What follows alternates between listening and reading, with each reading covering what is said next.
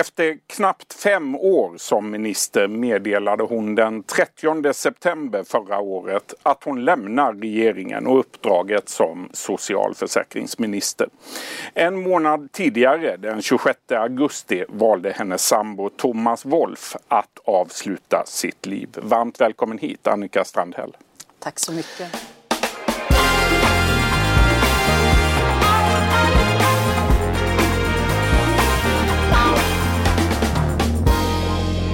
Du Annika, förra veckan då valde du att berätta öppet om Thomas självmord hos Fredrik Skavlan i Sveriges Television. Ett beslut som du hade fattat tillsammans med barnen där hemma. Varför var det viktigt för er att berätta? Ja, det var egentligen flera delar under hösten. Först så är man ju ganska slagen av sorgen och det som har hänt. Eh, och lite förvirrade och chockade tror jag vi var allihop.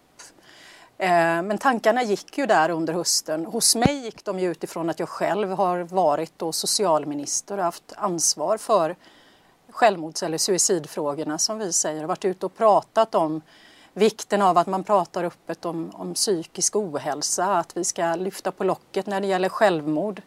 Det är ju som sagt var, eh, det är ju sex gånger så många som dör utav självmord varje år i Sverige som dör i trafiken. Du kände det nästan tvingad att prata om det? Ja, men jag kände ju, ja, men jag kände ju både, i viss mån ett ansvar men också just att jag, jag tror ju ändå på det här att vi behöver öppna upp det här. Och sen Samtidigt så har vi ju då, jag har ju barn med i bilden, jag har ju två döttrar och min bonusgrabb Simon som är 25 som är Thomas son. Eh, så det här är ju heller inget beslut man fattar lättvindigt utan det måste vi på något sätt känna allihop att det här är, det här är viktigt. Liksom. Mm. Och eh, under juldagarna där, och då hade vi börjat prata om det här en del, så, så gick ju Arben, den norske prinsen, bort på juldagen. Eh, 47 år gammal och han tog sitt liv. Eh, och de var väldigt snabbt ute ifrån den, eh, hans familj och berättade om vad det var som, som hade hänt. Och och eh, hans dotter, hans äldsta dotter är väl nästan jämngammal med min äldsta, eh, höll ett väldigt fint tal eh, på hans begravning. Följde du ceremonin från Oslo? Ah, inte helt och hållet, men jag följde väl den mm. genom media mer eller genom tidningar och sådär och tittade på klipp eh, bland annat från, från hennes tal och sådär. Eh, och då blev det aktualiserat igen att eh, vi kanske ändå ska göra det här. Mm. Och sen så är det ju också så för den delen att jag är ju den typ av politiker som har, ja men jag har ju, det, det sker ganska mycket spekulationer och hat och hot och sådär runt omkring. Vad säger du om spekulationerna som var månaderna innan eh, du var med i Skavlan? Nej men det är ju, det är väl inte så konstigt att det spekuleras i och för sig men det fanns ju också forum där det gick över alla gränser liksom. Eh, där, där människor eh, av någon anledning skriver nästan vad som helst. Hur mycket av detta såg du? Eh, en, en del och till dels för att just min, min äldsta dotter kom hem en dag från skolan och berättade att hon hade varit inne och läst på någon av de här trådarna. Usch. Ja, och hon är ju ändå, men hon är ju ändå ganska hårdhudad efter fem år som, som dotter till ett statsråd. Sådär, va? Eh, som har varit i hetluften en och annan gång. Men eh, då kände väl jag också att ja, dels det här fläckar, fläckar också ner minnet av hennes pappa. Det liksom ger en bild av, av vår familj som inte heller är sann. Så att det fanns väl också en del i det att, mm. att äga våran egen berättelse om, om vad det faktiskt är som har hänt. Och just det här att, att inte det är ju så konstigt. Hade Thomas dött i en, en olycka eller en hjärtinfarkt eller sådär, då hade man ju pratat öppet om det. Mm. Eh, definitivt. Men på något sätt så för att det är ett självmord då så, så känner man fortfarande märkligt nog någon konstig skam och skuld. Liksom. Mm. Väldigt många människor såg ditt framträdande hos Fredrik Skavlan. Många har också hört av sig. Mm. Vad är det för berättelse du har fått? Nej, och det, det, har ju varit alldeles fantastiskt eh, hur många människor som har hört av sig som redan hörde av sig inför att det skulle sändas dagen innan. De gjorde ju någon sån här liten påa och även ni skrev nog mm. lite grann i Expressen om det. Och redan då började människor höra av sig eh, om att eh, ja, ja, med, med stödjande ord. Många var tacksamma för att du också Ja, och talade om just det. På, på kvällen där efter Skavlan så öste det ju in på ett antal timmar, ja det var ju hundratals mejl och meddelanden i alla inkanaler som man har nu för tiden. Du vet, det är ju Messenger och det är ju mejl och det är ju... Läste du allt? Ja, men jag, jag, jag läste väldigt mycket av det som kom in den där kvällen. Jag hade en rejäl pågående förkylning eh, men jag satt där och ändå försökte svara och det är klart att när människor eh, allt ifrån eh, människor som hade av sig som beskrev att min mamma tog sitt liv 1973. Då var det så stigmatiserat att grannarna tittade ner i marken och gick över på andra sidan gatan när vi barn kom. Till, eh, till väldigt, väldigt mycket män eh, som har hört av sig. Eh, klart övervägande, både med sina egna historier om hur man har mått men man har tagit sig igenom det. Eller jag har varit där och funderat på detta. Eh, ja, till olika historier som har handlat om, det var faktiskt ett par stycken, ett antal som skrev att imorgon ska jag krama frun och barnen lite extra. Eh, Så på något sätt så berör, rör, man, rör man ju med någonting i kanske både då att det här är så vanligt, eller så vanligt, så att ganska många svenskar är berörda av att man har varit någon anhörig eller någon man känner. Eh, Eller också för den delen just det här att vara drabbad av psykisk ohälsa som är så otroligt vanligt. Men det var, det var jag är van vid att sitta i intervjuer eh, men det, det var mentalt väldigt tufft att förbereda sig eh, inför den här intervjun. Det blev ju väldigt... Det är skillnad när det är någonting som är så personligt och där man också känner i relation till inte minst barnen och sådär att det här måste bli, det måste bli rätt. Liksom. Det måste bli bra. Hur förberedde du dig?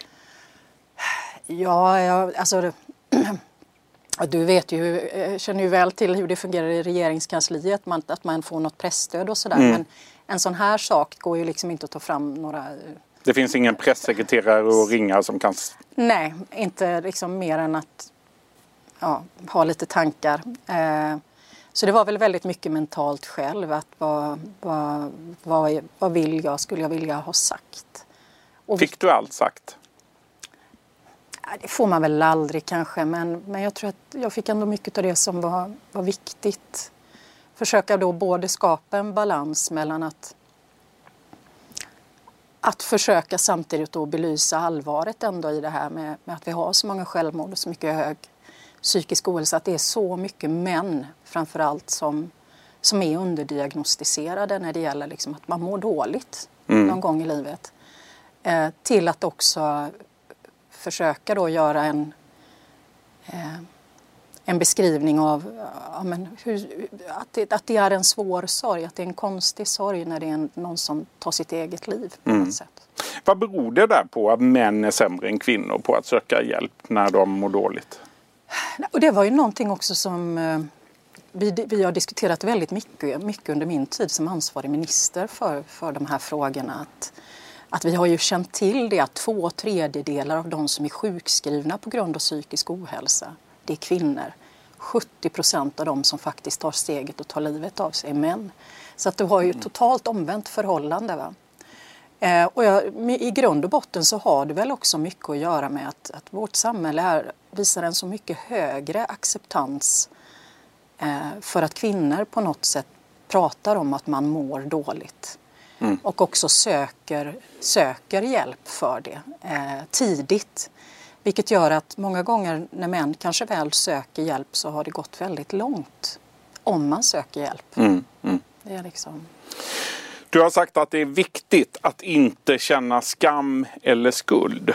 Har du själv gjort det? Wow, ja. Eh, och det brottas man ju med naturligtvis. Vad har det tagit sig för uttryck? Det handlar ju väldigt mycket om det här att man, eh, man, man går igenom händelseförlopp. Eh, och så tänker man att var någonstans längs den här vägen, vad kunde jag ha gjort annorlunda? Eh, kunde jag, vad var det jag inte såg? Eh, varför kunde jag inte förstå eh, att, han, att han faktiskt mådde så dåligt som han gjorde? Eh, vad, vad är det som har gjort tidigare att vi inte har lyckats stanna upp eh, och, och liksom se det här? Mm. Har du lyckats bli av med den där skulden och skammen då? Ja, alltså rent eh, intellektuellt någonstans eh, så eh, efter att ha också vet ju en del om det här med, med självmord eh, så, så vet jag att det egentligen är ganska rationellt att tänka så eller att känna så. Att det är, när en människa väl har bestämt sig många gånger så ja, det, det är inte lätt att sätta sig in i en annan människas liksom, tankegångar.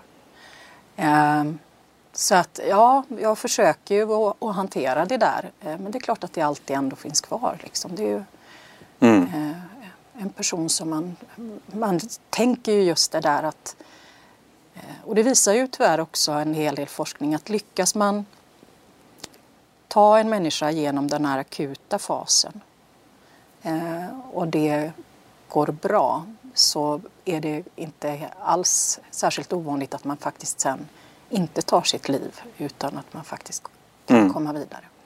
Du försökte ju, du berättade hos Fredrik Skavlan att du redan för flera år sedan försökte tala med mm. Thomas om att han verkade deprimerad. Men då slog han det ifrån sig. Mm. Du insåg inte allvaret eh, har du sagt. Va, vad tänker du om det idag? Att han mådde dåligt i flera år? Ja, jo, jag tänker ju någonstans att, att det är klart att eh, eh Thomas, jag, jag, det där var ju 2016 någon gång när jag mera liksom allvarligt tog upp det där. Och då hade vi, alltså du vet med de här jobben vi hade båda två också, man springer åt olika håll. Ska få logistiken i familjen att fungera och eh, Livspusslet. Livspusslet och inte stanna upp och sådär. Och jag vet att jag eh, tog då upp det med honom och sa att det, det här är verkligen så. Någonting måste göras. Jag märker att du inte mår bra och sådär. Eh, och sen pratade vi inte så mycket mer om det. Eh, och det var ju först i somras då som jag fick reda på att han då hade faktiskt eh, beställt antidepressiva över mm. nätet. Mm. För några läkare skulle man ju såklart inte gå till. Liksom. Det är ju eh, så. Utan mm. då skulle man lösa det själv. Eh, I smyg och i hemlighet? Ja, men lite så. Mm. Det, återigen det här med skammen i, i och då måste man ju ändå understryka att, att det här när man pratar psykisk ohälsa, ja men att man mår dåligt eller att man har ångest eller känner sig nedstämd eller depression. Den vanligaste orsaken till, sjuk, till sjukskrivning i Sverige egentligen för både kvinnor och män sedan 2006. Alltså det är ju en folksjukdom mm. eh, i vårt land. Eh, har politiken varit för dålig att, på att se det? Jag tror det, eh, det är klart att politiken har ett stort, eh, stort ansvar i det men jag tror att utöver politiken så handlar det om att hela, hela samhället på något sätt har inte hängt med i den förändring som har skett. När vi pratar om att människor blir sjuka på grund av att man, man får en fysisk åkomma. Mm. Eh, alltså, hela sjukvården i Sverige fungerar ju fortfarande så att den är uppbyggd för att du kommer in med en åkomma, ett brutet ben, får det fixat på sjukhuset, är där en tid, åker hem mm. och så är det klart. Lätt behandlat. Ja, men lätt behandlat. Eh, och idag har vi ju egentligen då hälsotillstånd i det här landet som, som kräver någonting annat. Och jag menar, den omställningen är ju påbörjad. Men eh, det kommer ju ta tid. Mm. Vilket är ditt viktigaste råd idag då till den som är i samma situation som du var då 2016 när du såg att din mm. sambo mådde dåligt? Vad ska man göra? Ja, nej men det naturligtvis handlar ju om att, att, att uppmärksamma personen i fråga på det. Sen så är det klart var och en fattar, måste ju fatta sina egna beslut om vilken hjälp och behandling man vill ha. Men återigen så handlar det väl om att, att försöka bidra till att, att avstigmatisera det. Att det inte är så konstigt. Många går vi igenom perioder i livet där man mår mer eller mindre bra. Och likväl som att om man, man eh, upptäcker att man har kärlkramp så söker man läkarhjälp. Och upptäcker man att man har gjort liksom, mår dåligt av andra orsaker så behöver vi ju se till att det är lika självklart att man då söker mm. eh, den professionella läkarhjälp och de väldigt liksom, bra behandlingsmetoder som finns idag. Både i form av terapi, KBT-terapi som är jätteeffektivt och medicinering. Men det är väl det här att, att försöka hinna med och stanna upp, att vara lite mer uppmärksam på varandra kanske. Eh, är lättare sagt än gjort. Eh, och jag är väl kanske inte den som ska ge de goda råden i den här delen, höll jag på att säga. Eh, men framförallt också till, till män som mår dåligt. Mm. Att ta den hjälp som finns att få, det, det, är ju liksom... Det är en viktig uppmaning naturligtvis. Ja. Annika Strandell, du lämnade regeringen den 30 september förra året men du har fortsatt i politiken som riksdagsledamot. Varför var det viktigt för dig att stanna kvar i politiken? Alltså jag är ju, eh, det är ju en del av den jag är, höll jag på att säga. Jag har ju varit engagerad i samhällsfrågor hela mitt vuxna liv. I, i fackföreningsrörelsen tidigare, i tjänstemannarörelsen under många år. Eh, internationellt fackligt eh, och jobbat med samhällsfrågor. Och en del i att jag ska må bra, eh, det är ju också det engagemang som jag har. Det är ju inte riktigt bara ett jobb. Eh, och jag var väldigt eh, ändå tacksam för möjligheten att kunna eh, få fortsätta i, i politiken. Det är ju en viktig tid att vara aktiv i politiken i och jag brinner för det, mm. eh, verkligen. Eh, men det är klart att rollen som, som minister eller statsråd, där du, ja, det vet ju du Niklas som har följt oss politiker i många år. Du har ju väldigt, väldigt litet utrymme att kunna... Liksom, det är ett dygnet runt jobb. Det är ett dygnet runt jobb och framförallt så har du väldigt lite påverkan på din egen kalender. Mm. Eh, och eh, just där och då, jag fick ju faktiskt tänka någon månad, eller gjorde ju det. Eh, så kunde jag bara konstatera att nej, barnen behöver mig också. Det är dags mm. att, att stanna upp. Vad skiljer privatpersonen Annika Strandhäll från politikern Annika Strandhäll? Oj, Oj vilken fråga. Ja.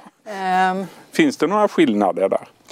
Jag, jag tror kanske många gånger framförallt som, som minister så eh, handlar det ju hela tiden också om att visa en bild på något sätt av ansvarstagande och allt det här.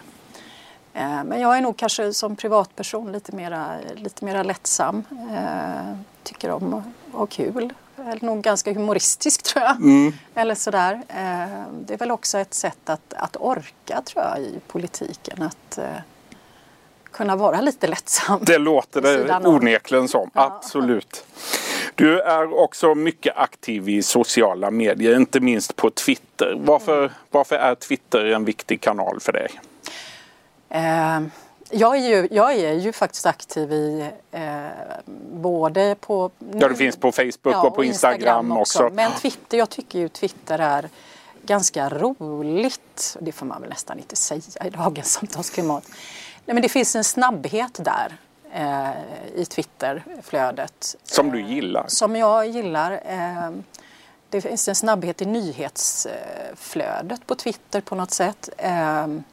Det är många eh, ganska intressanta ja, samhällsföreträdare och personligheter som finns på Twitter ändå och som deltar i debatten ganska avfiltrerat då, om man får uttrycka det så, på gott och ont. Mm.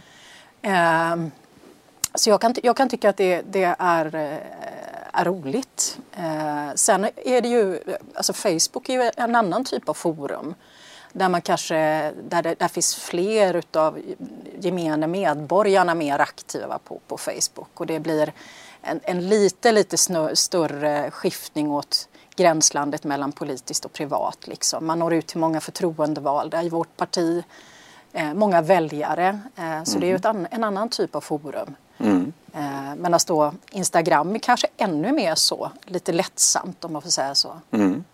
Och du eh, känner dig hemma i alla tre kanalerna? Ja, Instagram har varit svårast tycker jag. Jaså? Faktiskt. Ja. Men, eh, eh, ja, men jag, jag, tycker det är viktigt ändå. Det, det är ju ett forum där, där folk är. Mm. Du nämnde själv samtalsklimatet. Det har varit en debatt och en diskussion om samtalsklimatet på framförallt Twitter mm. under ganska lång tid. Där många hävdar att samtalsklimatet har blivit värre. Det har blivit eh, eh, mer brutalt. Håller du med om det? Det håller jag med om. Eh, och det, det, är väl en eh, en del i egentligen den polarisering vi ser i hela samhällsdebatten. Alltså det, det är, även politiken är ju mer polariserad nu än vad den var för några år sedan bara. Eh, och hårdare så till måtta. Och vi ser det i Sverige men vi ser det också i andra länder. där, där, och tyvärr då så leder väl det till att forum som Twitter gör att människor blir mer försiktiga med att, att finnas där. Mm. En annan del i det är väl då varken att lagstiftning eller de som ansvarar för de här plattformarna egentligen har hunnit med med, med regelverk som kanske egentligen behövs. Eh, jag kan inte säga, alltså, detaljer kring det där bör ju de som kan sådant bättre fundera över. Men det, det, det finns saker att göra. Det finns definitivt saker att göra när det gäller tonen inte minst. Mm. Vad säger du då Annika till de som hoppas att du en dag ska återvända till regeringen? Ja, det, det, nu har jag ju ganska nyligen valt att, att mm. kliva mm. av. Eh, så, så är det. Eh, men jag skulle då kanske snarare vilja säga till, eh, till vem som, som är sugen på politik. Faktum är att jag talade med en annan regeringskollega så sent som häromdagen som hade samma upplevelse. Att man kan faktiskt påverka mer än vad man tror är möjligt när man står på utsidan. Och att det är en, en fantastisk tjusning för en människa som brinner för samhällspolitik och frågor och vill förändra samhället. Eh, kanske oavsett om man sitter i, i riksdagen eller inte minst i, i regeringen som statsråd. Att det går faktiskt att göra saker. Mm. Det finns ju också de som hoppas att du en dag ska bli partiledare. Vad tänker du om det någon gång långt i framtiden? Ja, herregud. Eh, det, vi har ju en, en, en duktig partiledare. Idag ja.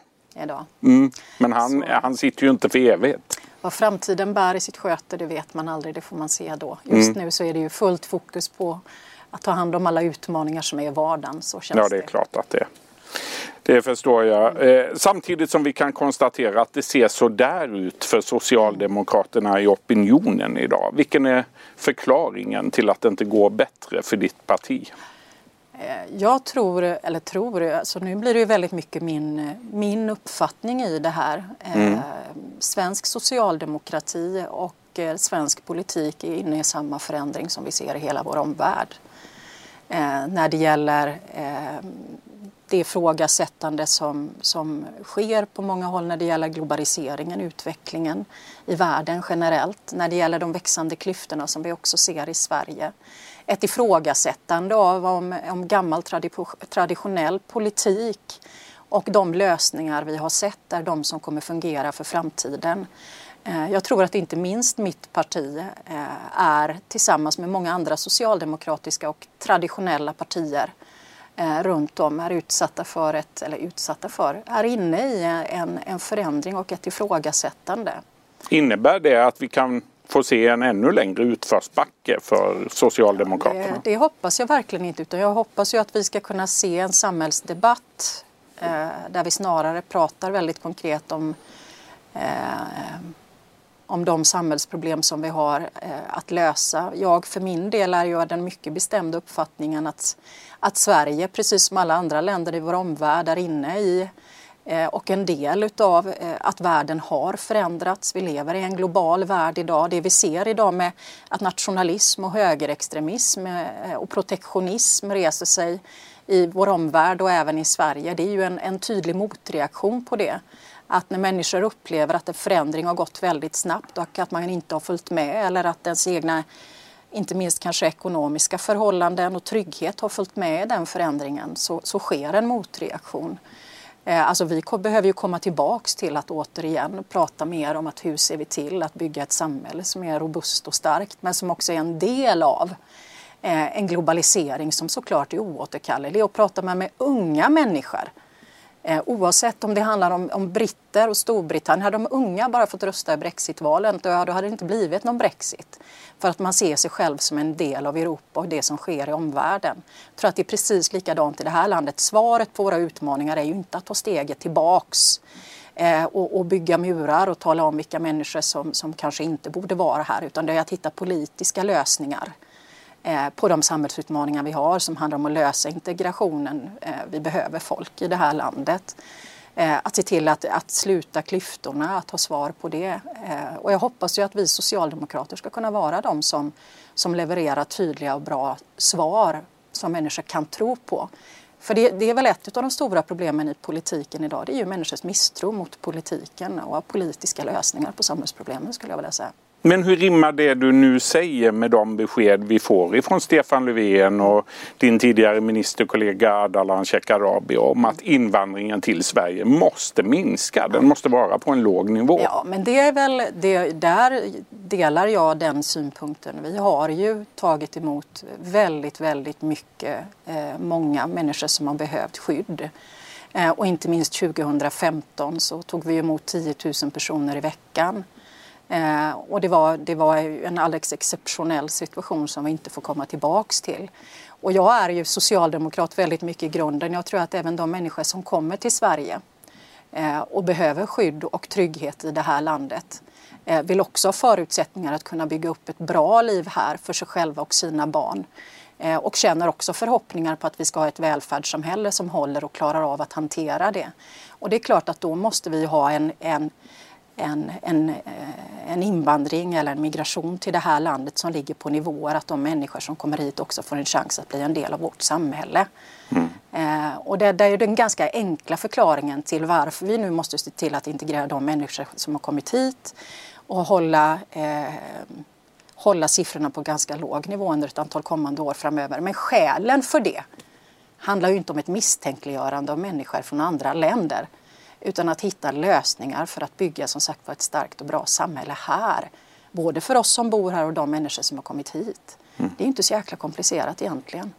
Säger alltså den tidigare ministern och numera riksdagsledamoten för Socialdemokraterna Annika Strandhäll. Mm. Stort tack för att du kom till vår studio idag. Tack så hemskt mycket. Du har lyssnat på en podcast från Expressen. Ansvarig utgivare är Klas Granström poddtips från Podplay. I podden Något Kaiko garanterar östgötarna Brutti och jag, Davva, dig en stor dos skratt. Där följer jag pladask för köttätandet igen. Man är lite som en jävla vampyr. Man har fått lite blodsmak och då måste man ha mer. Udda spaningar, fängslande anekdoter och en och annan arg rant. Jag måste ha mitt kaffe på morgonen för annars är jag ingen trevlig människa. Då är du ingen trevlig människa, punkt. Något Kaiko, hör du på Podplay. Därför är gardinerna.